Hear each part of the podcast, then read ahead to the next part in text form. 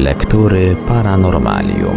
W Radiu Paranormalium kontynuujemy prezentację niezwykle interesującej książki pod tytułem My z kosmosu, autorstwa nieżyjącego już badacza i publicysty Arnolda Mostowicza. Większość sensacyjnych jak na lata 80. spraw do dziś nie znalazła satysfakcjonującego wyjaśnienia. Na antenie prezentujemy w odcinkach wydanie drugie tej książki z 1984 roku.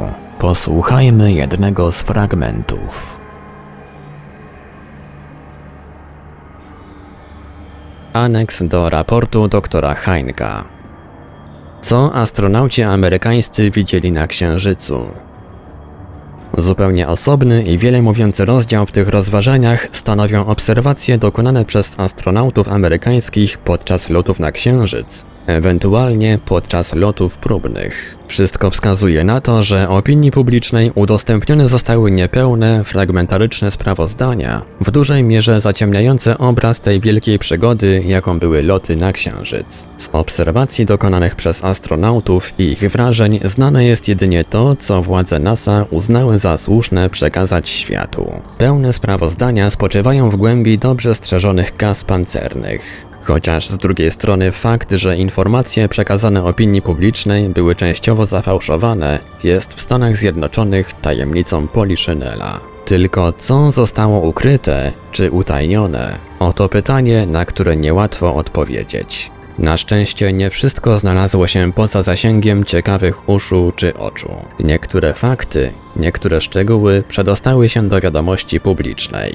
Jakimi drogami? Astronauci amerykańscy podczas swoich wojaży kosmicznych przez cały czas trwania lotu porozumiewali się rzecz jasna z bazą kontrolną znajdującą się w Houston.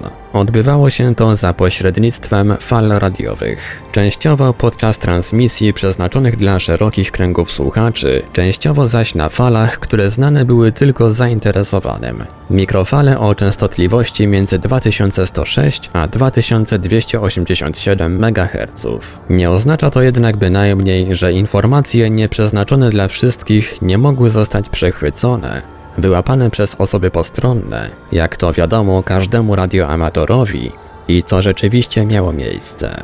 Niezależnie od tego, część rozmów Houston-Księżyc-Houston odbywała się za pomocą szyfru, co jest również zrozumiałe, gdyż nagłe przerwanie transmisji i przejście na fale tajne musiałoby wzbudzić podejrzenia. A więc owe bezpośrednie przekazy radiowe to pierwsze źródło informacji o tym, co miało miejsce, co rzeczywiście miało miejsce podczas lotów na Księżyc. Drugim źródłem są, określmy to tak, przecieki.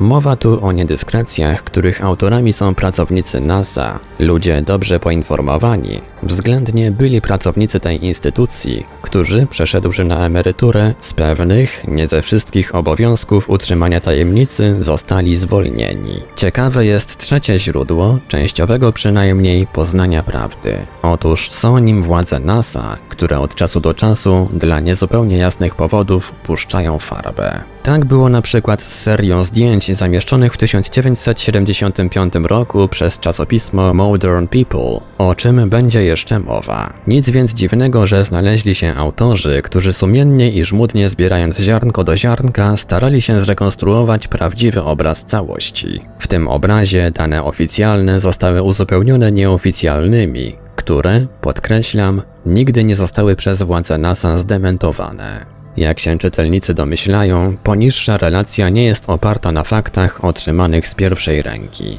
Ani nie miałem nigdy kontaktów z pracownikami NASA, ani nie miałem okazji posłuchać rozmów prowadzonych przez astronautów z bazą kontrolną w Houston.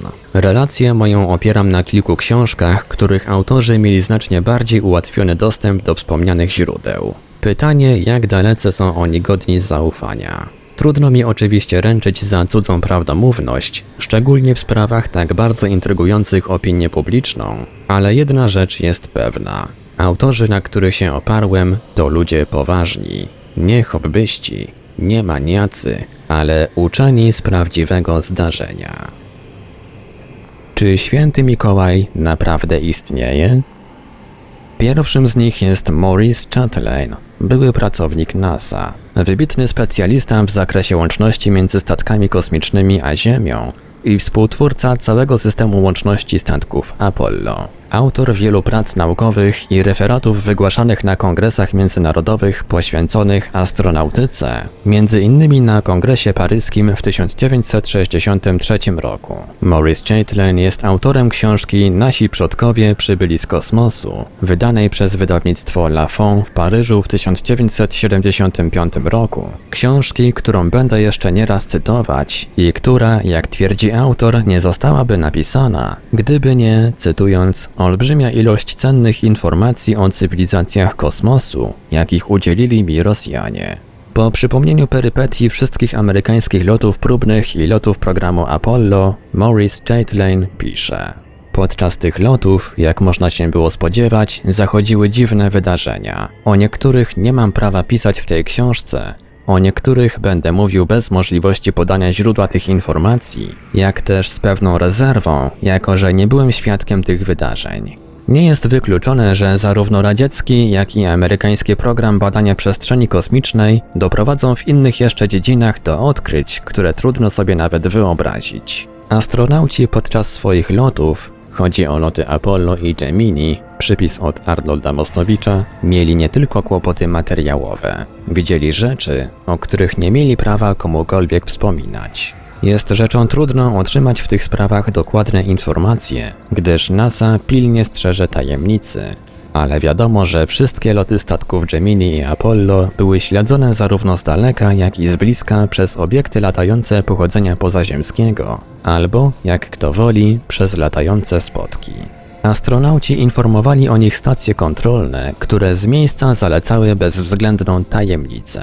Wydaje się, pisze dalej autor, że to właśnie Walter Skira, orbitując wokół Ziemi na statku Mercury 8, był pierwszym z astronautów, który skorzystał z szyfru posługując się imieniem świętego Mikołaja dla poinformowania bazy o pojawieniu się obok statków kosmicznych latających spotków. Wówczas nie zwróciło to uwagi opinii publicznej. Ale kiedy James Lovell, kierujący statkiem Apollo 8 i znajdujący się na orbicie wokół księżycowej, również użył tego terminu, wielu słuchających zrozumiało, że słowa mają ukryty sens. Właśnie przekonaliśmy się, że święty Mikołaj naprawdę istnieje. Zakomunikował Lovell pracownikom stacji kontrolnej podczas przelatywania nad niewidoczną dla nas stroną Księżyca. Traf chciał, że było to akurat 25 grudnia. Pierwszym, który sfotografował latający spodek był James McDavid, kiedy 4 czerwca 1965 roku na pokładzie statku Gemini 4 przelatywał nad Hawajami. Następnymi byli Frank Borman i James Lovell,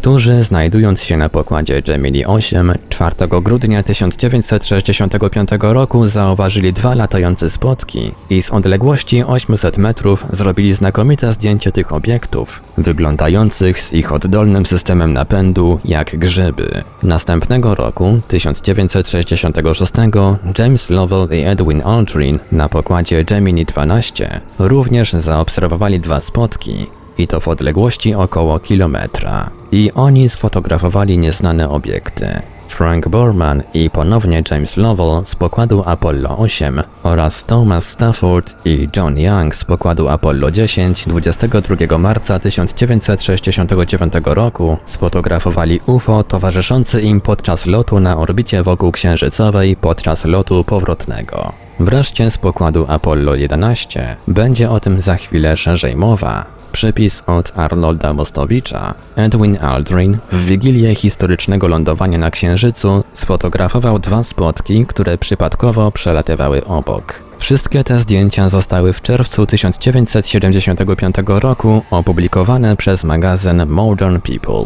Pismo zachowało pełną dyskrecję, jeśli idzie o drogę, dzięki której fotografie te do niego dotarły. Wysunięto także przypuszczenia, że Apollo 13, któremu jak wiadomo nie udało się lądować na naszym satelicie, przewoził na swoim pokładzie ładunek atomowy. Ta bomba atomowa miała wybuchnąć na Księżycu, co pozwoliłoby za pomocą oddalonych od siebie na Ziemi sejsmografów obliczyć jego infrastrukturę. Tajemnicza eksplozja, która zniszczyła jeden z rezerwuarów tlenowych kabiny, miała być ponoć spowodowana przez przelatujący spodek, śledzący statek kosmiczny. Wybuch miał na celu uniemożliwienie załodze statku Apollo wykonanie misji, która mogłaby doprowadzić do zniszczenia baz księżycowych jakiejś pozaziemskiej cywilizacji. Ale tyle się opowiada historii. Warto wreszcie wspomnieć także o dziwnym wypadku astronauty Gordona Coopera. Mimo, że pilotował on statek Mercury 8 w 1963 roku,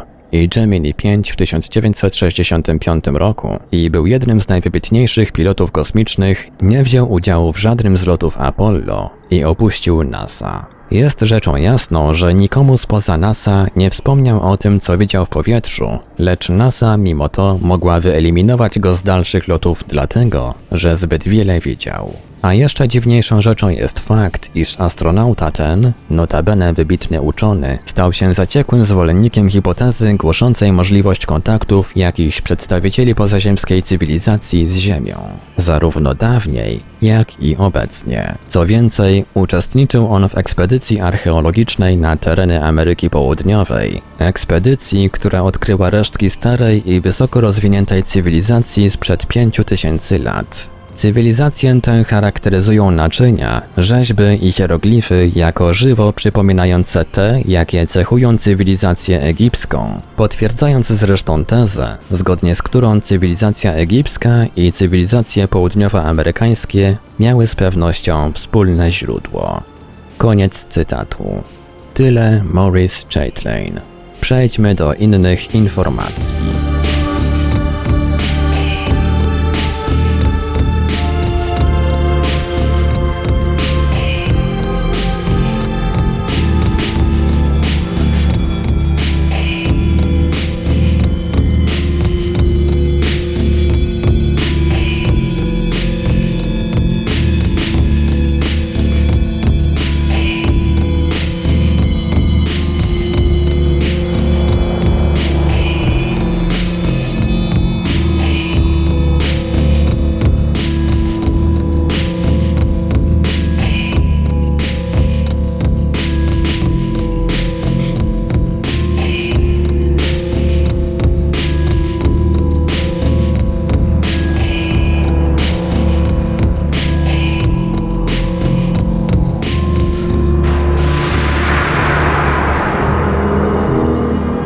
Lektury Paranormalium. Ślady czołgów na Księżycu.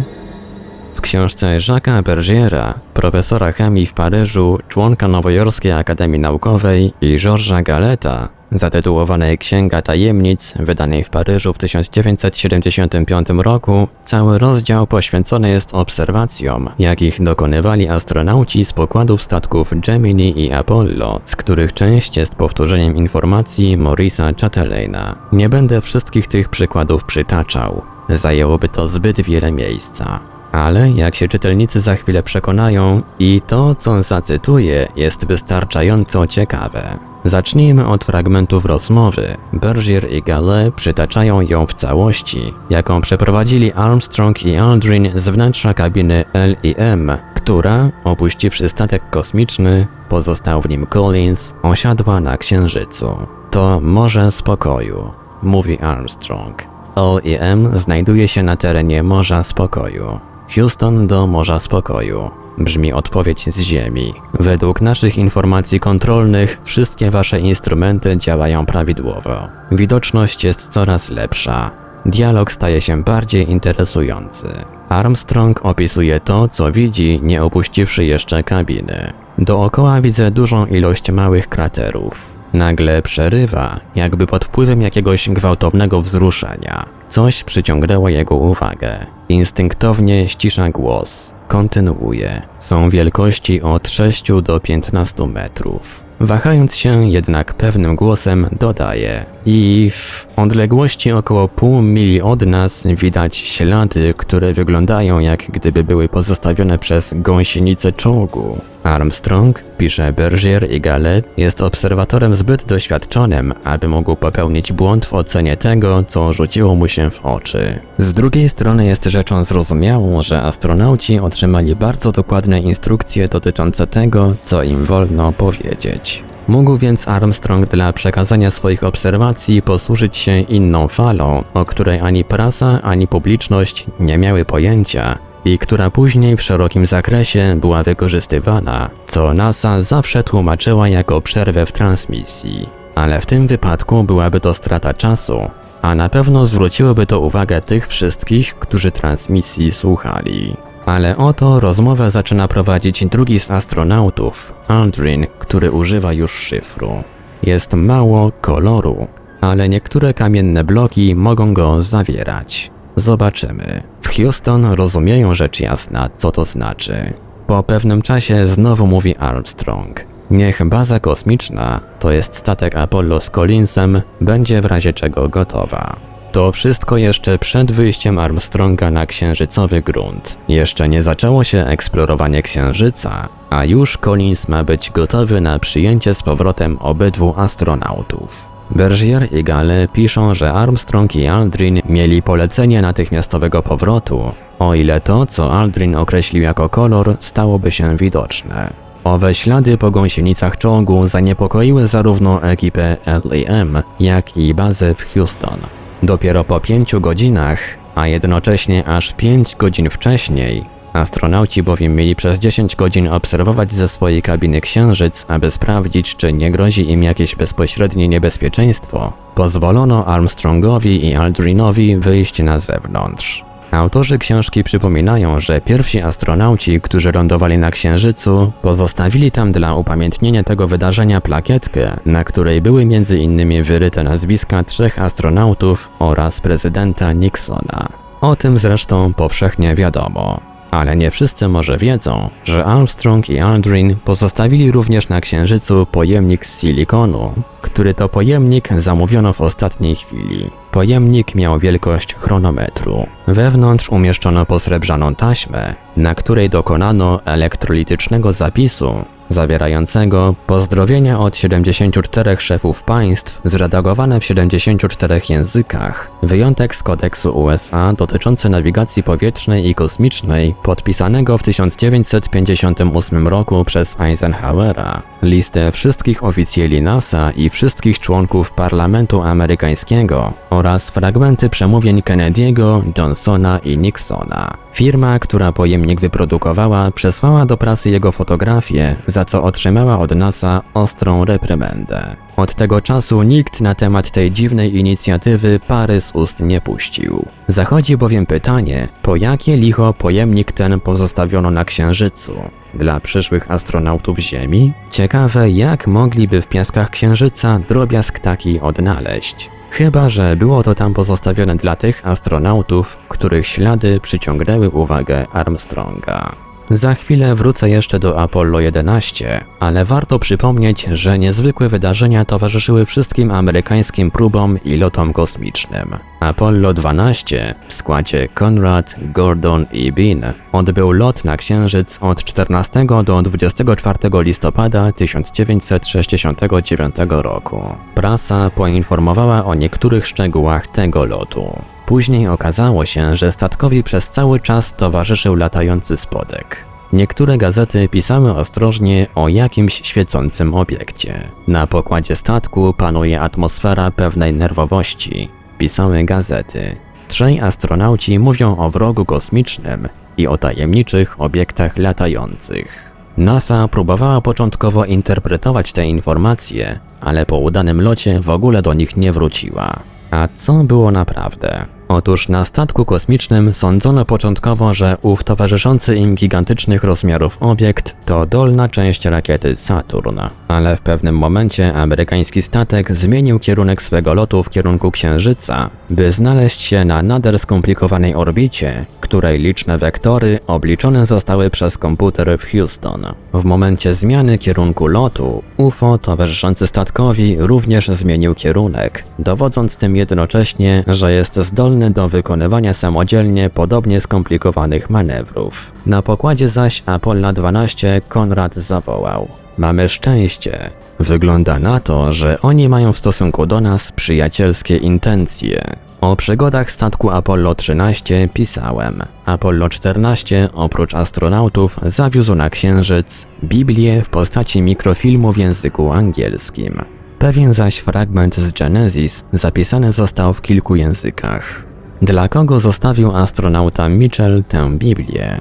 Natomiast ze statkiem Apollo 14 zaszło coś bardzo dziwnego. Astronauta Young w chwili przejścia z kabiny typu Orion do statku kosmicznego miał po wypełnieniu swojej misji pociągnąć za jakąś dźwignię, tak aby Orion upadł na księżyc i roztrzaskał się. Otóż Young, jak się okazało, zapomniał to zrobić i Orion stał się satelitą krążącym wokół Księżyca. Astronauta tej klasy zapomniał wykonać ruch, który prawdopodobnie dziesiątki razy powtarzał. Należy raczej sądzić, że komuś zależało na tym, aby Orion nie został zniszczony i aby go sobie mogli obejrzeć i inni.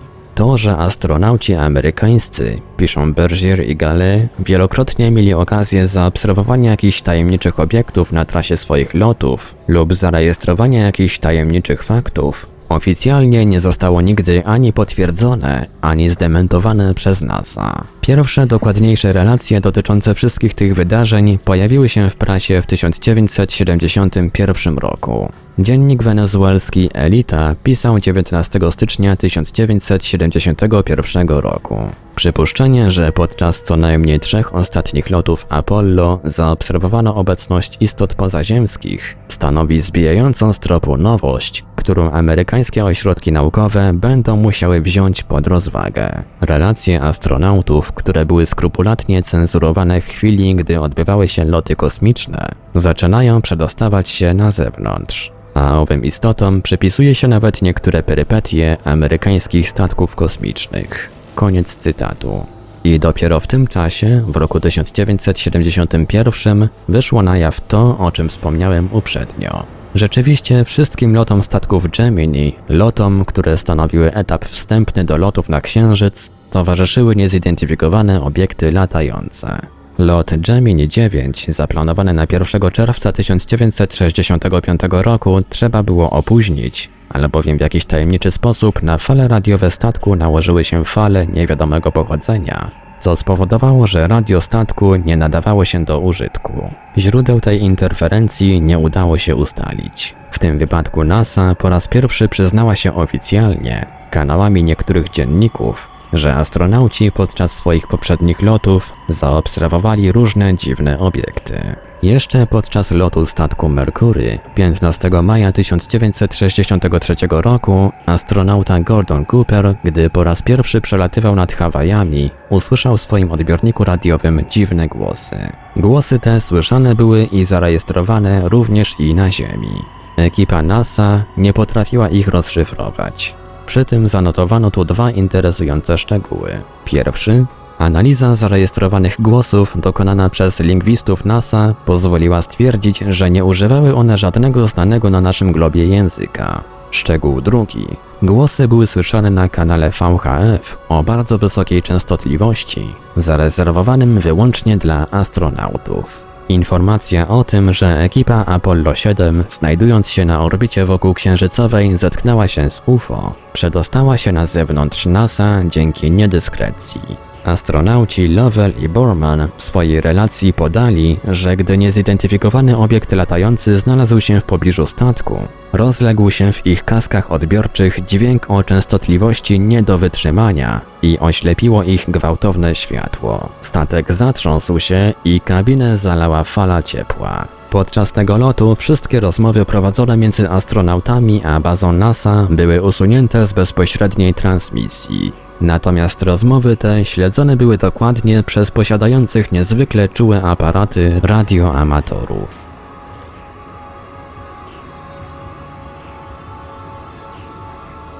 Tajemnicze obiekty na Księżycu ale wróćmy jeszcze raz do owego historycznego lotu załogi statku Apollo 11. I tym razem do słuchaczy Ziemi dotarły dźwięki przypominające coś w rodzaju gwizdu lokomotywy, a później elektrycznej maszyny do piłowania drzewa. Zjawisko to było tak wyraźne, że zaniepokoiło speakera NASA i miliony ludzi usłyszały rzucone na falę eteru pytanie. Jesteście pewni, że nie komunikowaliście się z nimi? Jedna rzecz jest pewna. Dźwięk pochodził z zewnątrz statku. Astronauci zbadali aparat radiowy i stwierdzili, że pracuje bez zarzutu. Jak już wspomniałem, astronautom polecono, by podczas transmisji radiowych więcej o swoich obserwacjach nie wspominali. Miały się one znaleźć jedynie w raportach oficjalnych lub też mogły być przekazane tajnymi kanałami radiowymi. Po uwagach Armstronga dotyczących kraterów księżycowych, dalsze jego obserwacje przekazywane były już na innej fali. Niemniej wielu radioamatorów amerykańskich przechwyciło zdumiewające uwagi obu astronautów przeznaczone wyłącznie dla bazy w Houston. Nie trzeba dodawać, że uwagi te zostały całkowicie usunięte z oficjalnej transmisji pierwszego lądowania na Księżycu. Mówi Armstrong. Co to jest? O co u diabła tu chodzi? Chciałbym naprawdę wiedzieć, co to jest. Następuje pewne zamieszanie, a po chwili daje się słyszeć głos kontrolera z NASA.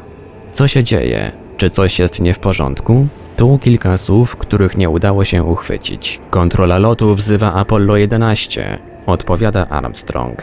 Są tu olbrzymie obiekty, sir. Olbrzymie. O Boże. Ustawione są po drugiej stronie krateru. Są na Księżycu.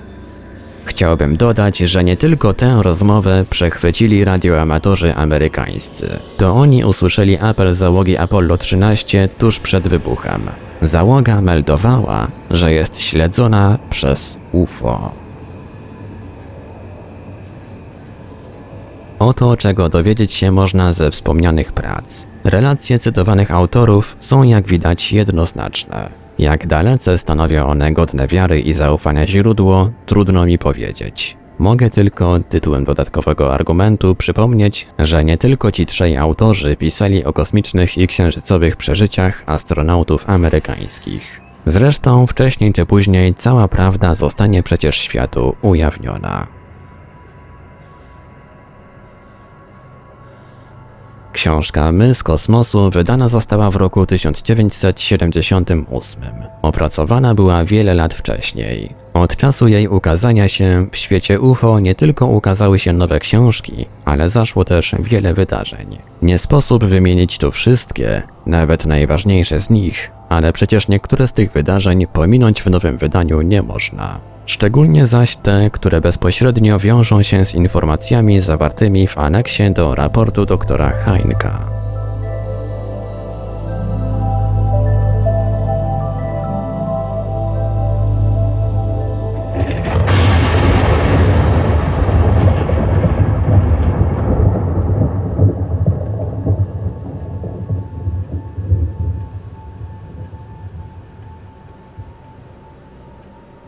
Radiu Paranormalium zaprezentowaliśmy fragment książki Arnolda Mostowicza My z kosmosu. Dalszy ciąg w kolejnym odcinku Lektur Paranormalium. Archiwalne odcinki Lektur Paranormalium znajdziesz do pobrania w archiwum naszego radia na stronie www.paranormalium.pl.